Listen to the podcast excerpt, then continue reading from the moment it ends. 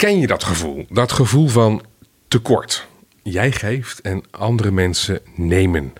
Maar wie geeft jou nou eigenlijk? Wanneer bereikt het schip des overvloeds jou? Veel mensen herkennen in hun leven wel een kortere of langere periode van tekort. En dat doet pijn. Maar het hoeft niet, leert dit eeuwenoude sprookje.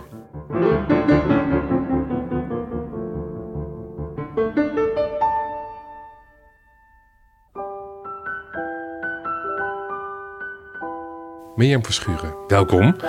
Waar komt dit sprookje vandaan? Het wordt gezegd dat het een Iers volksverhaal is, ehm, maar het is wijd verspreid in Europa. En vooral in de Scandinavische landen en eh, in het oosten. Maar in Portugal heb je een plek, Almarim. Mhm.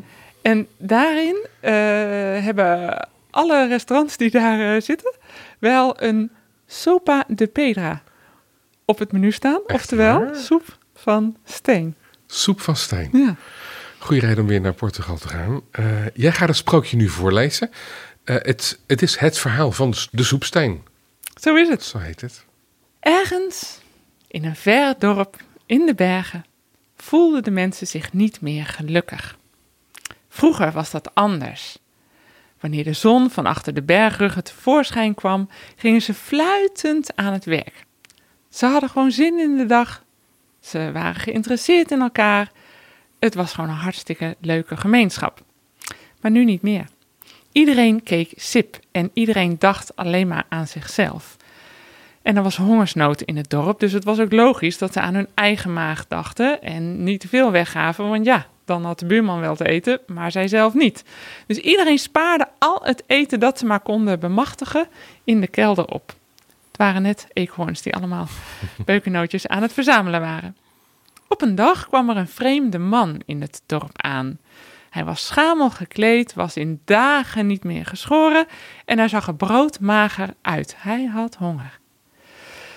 Maar hij had wel blinkende, fonkelende ogen en een gezicht dat de hele tijd leek te lachen. Echt, je werd daar vrolijk als je die man zag. Maar hij werd niet heel erg vrolijk van de mensen om hem heen. Dus hij ging vragen stellen. Waarom kijkt hier iedereen zo sip? vroeg de man. Ja, we hebben honger, zeiden de mensen tegen hem. We hebben bijna niks meer te eten. Dat kreeg hij als antwoord.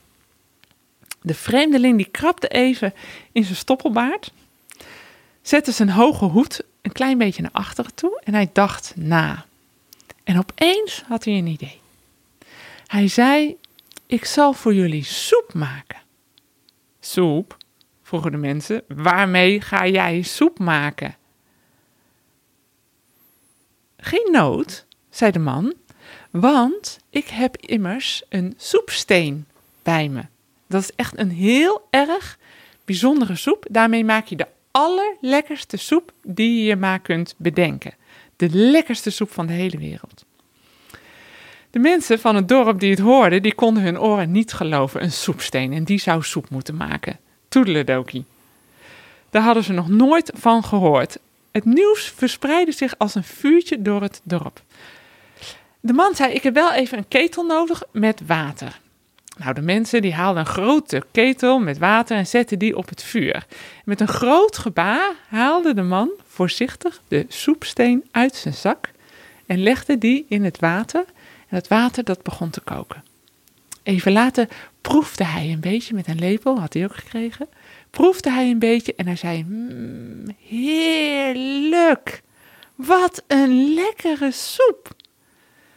De soep zou alleen nog iets beter smaken als we er wat aardappels in deden. Heeft er iemand misschien nog ergens een paar aardappeltjes? Sommige mensen, die hoopten ook eens van de soep te mogen proeven, brachten een paar kleine aardappeltjes aan. En na een tijdje proefde de man weer. Prima, zei hij. Oh, deze soep is echt super lekker. Maar het zou nog beter smaken als we er wat groenten bij deden. Wie enkele groenten kan missen, mag straks ook een bordje van die heerlijke soep. Nou, eh, daar eh, hadden de mensen wel oren naar. En verlegen kwamen enkele bewoners met nog een prei en wat selderij. En een vrouw bracht nog een bosje wortels. Het begon al heerlijk te ruiken op het marktplein en steeds meer mensen kwamen kijken en snuffelen aan die grote soeppot. Ze bijna klaar, zei de man. Maar als we er nu nog wat kruiden en wat zout in zouden doen, dan zal het de beste soep van de hele wereld zijn. Oh ja, en misschien hebben we ergens ook nog een stukje soepvlees. De dikke herbergier, dat was echt een smulpaap, die droomde al van een heerlijk bord soep. En hij kwam met een groot stuk soepvlees aangezult. En de geur van de heerlijke soep die vulde het hele dorp. En het duurde niet lang of iedereen stond al klaar met een bord en een lepel om van die heerlijke soep te proeven. Toen de soep klaar was, werd de soep uitgedeeld. En iedereen mocht er een bord van nemen en begon te smullen en te smakken. En het was zo'n heerlijke soep, dat hadden ze nog nooit geproefd. En telkens kwamen ze weer om hun bord te vullen. En ook de kinderen aten hun buikje rond. Iedereen voelde zich weer blij. En je kon aan de mensen zien en merken dat ze er echt van genoten hadden. De speelman die haalde weer zijn viool uit zijn koffer en de mensen begonnen te dansen en te lachen en het dorp was weer in vreugde. Op een gegeven moment zei de vreemde man: Het spijt me, ik moet weer gaan, ik moet weer vertrekken. En alle mensen vonden dat jammer. Maar de soepsteen, die mogen jullie houden, zei de man. Om zulke lekkere soep te maken, moet je telkens doen zoals we vandaag gedaan hebben. Samen delen wat je nog in huis hebt, zodat iedereen ervan kan genieten. En de mensen knikten en voelden zich dolgelukkig dat ze de soepsteen mochten houden. En de man was blij dat hij de vreugde in het dorp had teruggebracht. En eventjes buiten het dorp bukte de man zich. Hij raapte weer een steen van de grond en stak die in zijn zak. Op weg naar het volgende dorp. Op weg naar het volgende dorp. Wat was die man gul zeg, dat hij zomaar de soepsteen achterliet daar. Nou, zeker. Ja. Heel gul. Hé, hey, waar gaat dit over? Dit gaat over eerlijk delen of zo, hè? Het gaat over eerlijk delen. Hmm. Als we delen, dan hebben we echt in overvloed. En dat kun je naar de hele wereld trekken. Er er is echt genoeg eten op deze wereld om alle mensen te kunnen voeden. Alleen verdelen we het niet eerlijk. Ja, ze zeggen wel eens, we kunnen iedereen voeden, maar niet ieders hebzucht. Zo dat is, is het. hè? Zo is het. Zo is het. Er zijn mensen die. eh, er is maar een heel klein percentage wat bijna alle materie en alle voedsel heeft. En er is een heel groot percentage wat in armoede leeft en niet eens elke dag eh, drie maaltijden kan eten. Ja, naar de voedselbanken moet. Ehm, Precies. Dit past ook goed, jij bent theologe, dit past ook bij het verhaal volgens mij. Ik ben er wat minder thuis en jij, van eh, Jezus die het brood en de vissen deelt, toch? Klopt. Vertel daar eens iets kort over. Hoe- Ja, Jezus die eh, is op een gegeven moment ergens en er zijn duizenden mensen naar hem toegestroomd om te luisteren naar zijn wijze woorden. En dan wordt het etenstijd en zijn leerlingen zeggen, joh, eh, Jezus stuur iedereen weg, dan kunnen ze in de dorpen iets eh, gaan eten, dan kunnen ze bij de mensen daar wat eten vragen. En dan zegt hij, nee, wij geven ze wel te eten. Ja, wij geven ze wel te eten, we hebben niks. Nou zegt een van de leerlingen, die is hier wel een jongen en die heeft twee vissen en vijf broden, maar dat is het. Jezus zegt, ik heb er wel vertrouwen in. dus eh, hij laat de mensen in groepen van eh 50 eh, zitten. En ehm, hij eh, spreekt de zegenbeden uit over de vissen en het brood. En hij breekt een stuk af en hij laat zijn leerlingen dat uitdelen. En hij blijft breken en hij blijft delen. En de duizenden mensen krijgen allemaal te eten, hun buik rond. En op het eind hebben ze zelfs nog twaalf manden over. Ja, dit lijkt een sprookje, maar wat is dan de diepere betekenis hiervan? Ook weer dat delen? Ook weer het delen. Deel van je overvloed en dan zal er genoeg zijn. Als alle mensen met elkaar delen, dan is er gewoon genoeg. Ehm, maar als alle mensen gaan graaien, ja, dan heeft een klein deel iets en een grote deel niets. En zelfs de mensen met het kleine iets leven in angst om het te verliezen. eh, dus leven ook niet vrij. Ehm, nou, in principe is het hiermee klaar, want Hmm. dit is een mooie boodschap over het delen van, eh, in dit geval, voedsel. Ja, Maar je kunt het natuurlijk nog weer breder trekken. zeker. Want er kan ook, want het delen van eh, dingen, dat, kan veel, dat, dat, dat, dat betreft veel meer gebieden van het leven. Klopt. Namelijk, Nou, je kunt in heel veel denken tekort te hebben. Bijvoorbeeld als eh, je aandacht geeft aan iemand, dan kun je ook denken, ja, maar ik krijg nooit aandacht. Ik wil ook aandacht. Dus daarin kun je ook een tekort voelen. dit is heel reëel. Ja, Of niet? Zeker. Ja. Zeker. Ik, als ik naar mijn eigen leven kijk, Ja. dan ehm, ben ik best iemand die aandacht kan eh, geven, maar ook graag aandacht heeft. Ja. Allebei. ja. Jij van- bent iemand die, net als ik, veel vragen aan mensen stelt Ja. en goed kunt luisteren. Maar wie luistert er dan naar jou? Ja, ja. En normaal gesproken is dat geen probleem. Dat is een soort natuurlijke houding. En er wordt echt af en toe ook wel eens naar mij geluisterd of ik vertel zelf iets. Ehm, maar ik ben bijvoorbeeld wel eens ziek geweest. Ik heb een keer de ziekte van Pfeiffer gehad. Nou, dan kun je niet veel, behalve veel slapen. En is de energie echt ontzettend laag. Hmm. Ik ging heel vaak naar mensen toe. Ik woonde toen alleen. Dus om gezelligheid te hebben, ging ik vaak naar mensen toe. Vaker dan dat mensen naar mij toe eh, kwamen. Zo was dat gewoon. En normaal gesproken geen punt. Maar nu was ik ziek. En ik kon niet naar mensen toe, want daar had ik de energie niet voor. Dus ik had het nodig dat mensen naar mij toe kwamen. Maar in het rollenpatroon was het altijd anders geweest. Dus die omschakeling, die was er niet zomaar. Dus mensen kwamen af en toe eens naar mij toe, maar niet veel en zeker niet in overvloed. En toen voelde ik echt een tekort aan aandacht. Want ik, ik wil nu zo graag aandacht. En En ook een tekort in de balans. ja, Ja. Ja.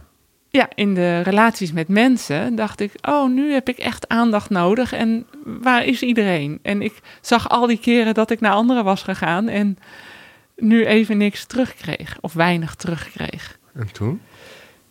Toen vond ik mezelf heel erg zielig. Mhm. Ehm, En dan is de neiging om te zeggen: ja, maar andere mensen moeten dus eigenlijk meer gaan delen. klopt. Dat kun je doen en dan maak je jezelf echt afhankelijk van een ander. Zij kunnen jou gelukkig maken. En volgens mij is de uitweg hieruit niet de strijd aangaan of denken, nou ik heb jullie ook niet nodig, dan blijf je in dezelfde boosheid en in het tekort eh, zitten. Maar het idee in je hoofd te stoppen dat het geluk afhankelijk is van iets buiten jou. Dat is echt maar een idee. Als je dat idee stopt, dan kun je weer gelukkig zijn, ook in je eentje. Heel vaak is een gevoel van tekort alleen maar een idee. Ik had het idee dat ik tekort gedaan werd als mensen niet bij mij kwamen, omdat ik het moeilijk vond om alleen te zijn. Als ik toen kon accepteren, ik ben gewoon alleen en dat is eigenlijk prima, was er niks aan de hand geweest. Heel vaak is het een idee. Ik had bijvoorbeeld in mijn studententijd ehm, niet zoveel geld. En eh, ik deed alleen de hoofd, hoogst eh, noodzakelijke boodschappen. Ik dronk altijd eh, thee in die tijd. Nu drink ik nog minder, namelijk alleen maar heet water. Maar toen stopte ik er vaak een theezakje in. Dat is een vrij goedkope oplossing als je heel veel liters vocht binnen wil krijgen. Want je stopt een zakje in een liter kokend water en je hebt heel veel thee. Maar er was een medestudente en die sprak een keer over haar uh, financiële tekorten. Want ja, we waren allemaal studenten en we hadden allemaal niet veel. En zij vond het heel erg dat ze geen sap kon kopen. Zij had zo graag lekkere jus gewild en dat, dat kon ze niet kopen, kon ze niet betalen. En dat vond ze echt verschrikkelijk. En toen ze dat zei, toen dacht ik, wat is hier het verschrikkelijke? Ik koop nooit sap voor mezelf. Ja, kan ik niet betalen, geen punt. Dan zet ik thee. Dus in haar hoofd was het een, echt een tekort dat ze dat sap niet kon betalen. En in mijn hoofd was dat geen punt. Dus daarin kun je zien dat soms een tekort een idee is in het hoofd. Dan heb ik het niet over de schrijnende toestanden waar, waarbij mensen niet eens een uh, maaltijd kunnen kopen. Hè? Want dat is, dat is natuurlijk echt armoede. Er is overvloed en er is tekort. Uh, we hebben het over delen. En als uh, je deelt, dan, dan wordt het beter. Dat is wat het verhaal van de soepsteen ons leert. Op het moment dat je uh, overvloed deelt, heb je allebei genoeg. Sommige vormen van tekort heb je ook. Hè, zoals hier met de soep. Mm. Dan heb je ook genoeg. Als je het metaforisch bekijkt en je kijkt bijvoorbeeld naar verdriet. Ja. Als je je verdriet deelt, mm. dan verzacht dat. En dan heb je ineens nog maar de helft. Ja. Want dan kun je delen. Ja. Gedeelde smart is halve smart. Zoals ze dat dan zo mooi zeggen. Ja. Dat klopt. Als je verdriet deelt, als je jezelf eh, kenbaar maakt aan een ander, dan kan dat echt iets van dat verdriet afnemen. Dan kun je weer ademen. Als er dan iemand luistert en aandacht geeft en ehm, meeknikt en meeleeft, dat kan echt verzachten. Dat klopt. Dus dan heb je niet dubbel, maar dan heb je maar de helft. Precies. En dat is ook mooi. Gedeelde vreugde is dubbele vreugde. Halve smart. Oh, is dat echt een spreekwoord? Ja, dat is echt een spreekwoord. Oh, Halve smart is. eh, gedeelde smart is halve smart. Ja. oké, wat Ja. goed. Mooi. Ja. Ja. Ehm, waarom vinden we het vaak zo ingewikkeld om te delen als we tekort ervaren? Omdat Wat- we dan wat houdt denken. ons tegen? Ja, Ja. wat houdt ons tegen? Omdat we dan denken dat we nog meer tekort komen. En ik denk dat we uiteindelijk allemaal bang zijn voor de dood. Dat is wat er uiteindelijk allemaal Oh, die achter zag, zit. die, Ja. zag ik, niet- die zag ik niet aankomen. Want? Het, het ego, wat we allemaal hebben om hier te overleven, is heel erg gericht op overleven. En ik overleef als ik bijvoorbeeld voldoende voedsel heb. Dat is een hele logische, hè? van het lichaam moeten we voeden. Maar we hebben ook allerlei persoonlijkheidstypes. En de een denkt te overleven als ik maar aandacht krijg, want dan voel ik dat ik leef. En de ander eh, denkt, ik overleef als ik heel veel kennis heb. Want als ik kennis heb, dan heb ik antwoorden op allerlei vragen en dan overleef ik hier. En als we dan een tekort ervaren aan kennis of aan aandacht, dan komt er een soort oerangst in ons naar boven eh, van niet overleven. Als je het spiritueel gaat bekijken, dan kan alleen maar het ego doodgaan. Dus de ideeën kunnen doodgaan. Maar niet jijzelf. Jij blijft bestaan. Dankjewel. Eh dit was de aflevering met het sprookje van De Soepsteen van de Sprookjespodcast. Dankjewel voor het luisteren. In de Sprookjespodcast hoor je elke aflevering een nieuw sprookje van over de hele wereld. Mijn naam is Basti Barancini en vandaag hoorde je Mirjam Verschuren. Zij is theologe en hoewel ze nog steeds gastpredikant is in verschillende kerken... vult ze tijd vooral eh, als schrijver de laatste tijd... maar ook nog met het begeleiden van uitvaarten en huwelijken. Eh, kijk op grenzelooslicht.nl als je meer van haar wil weten.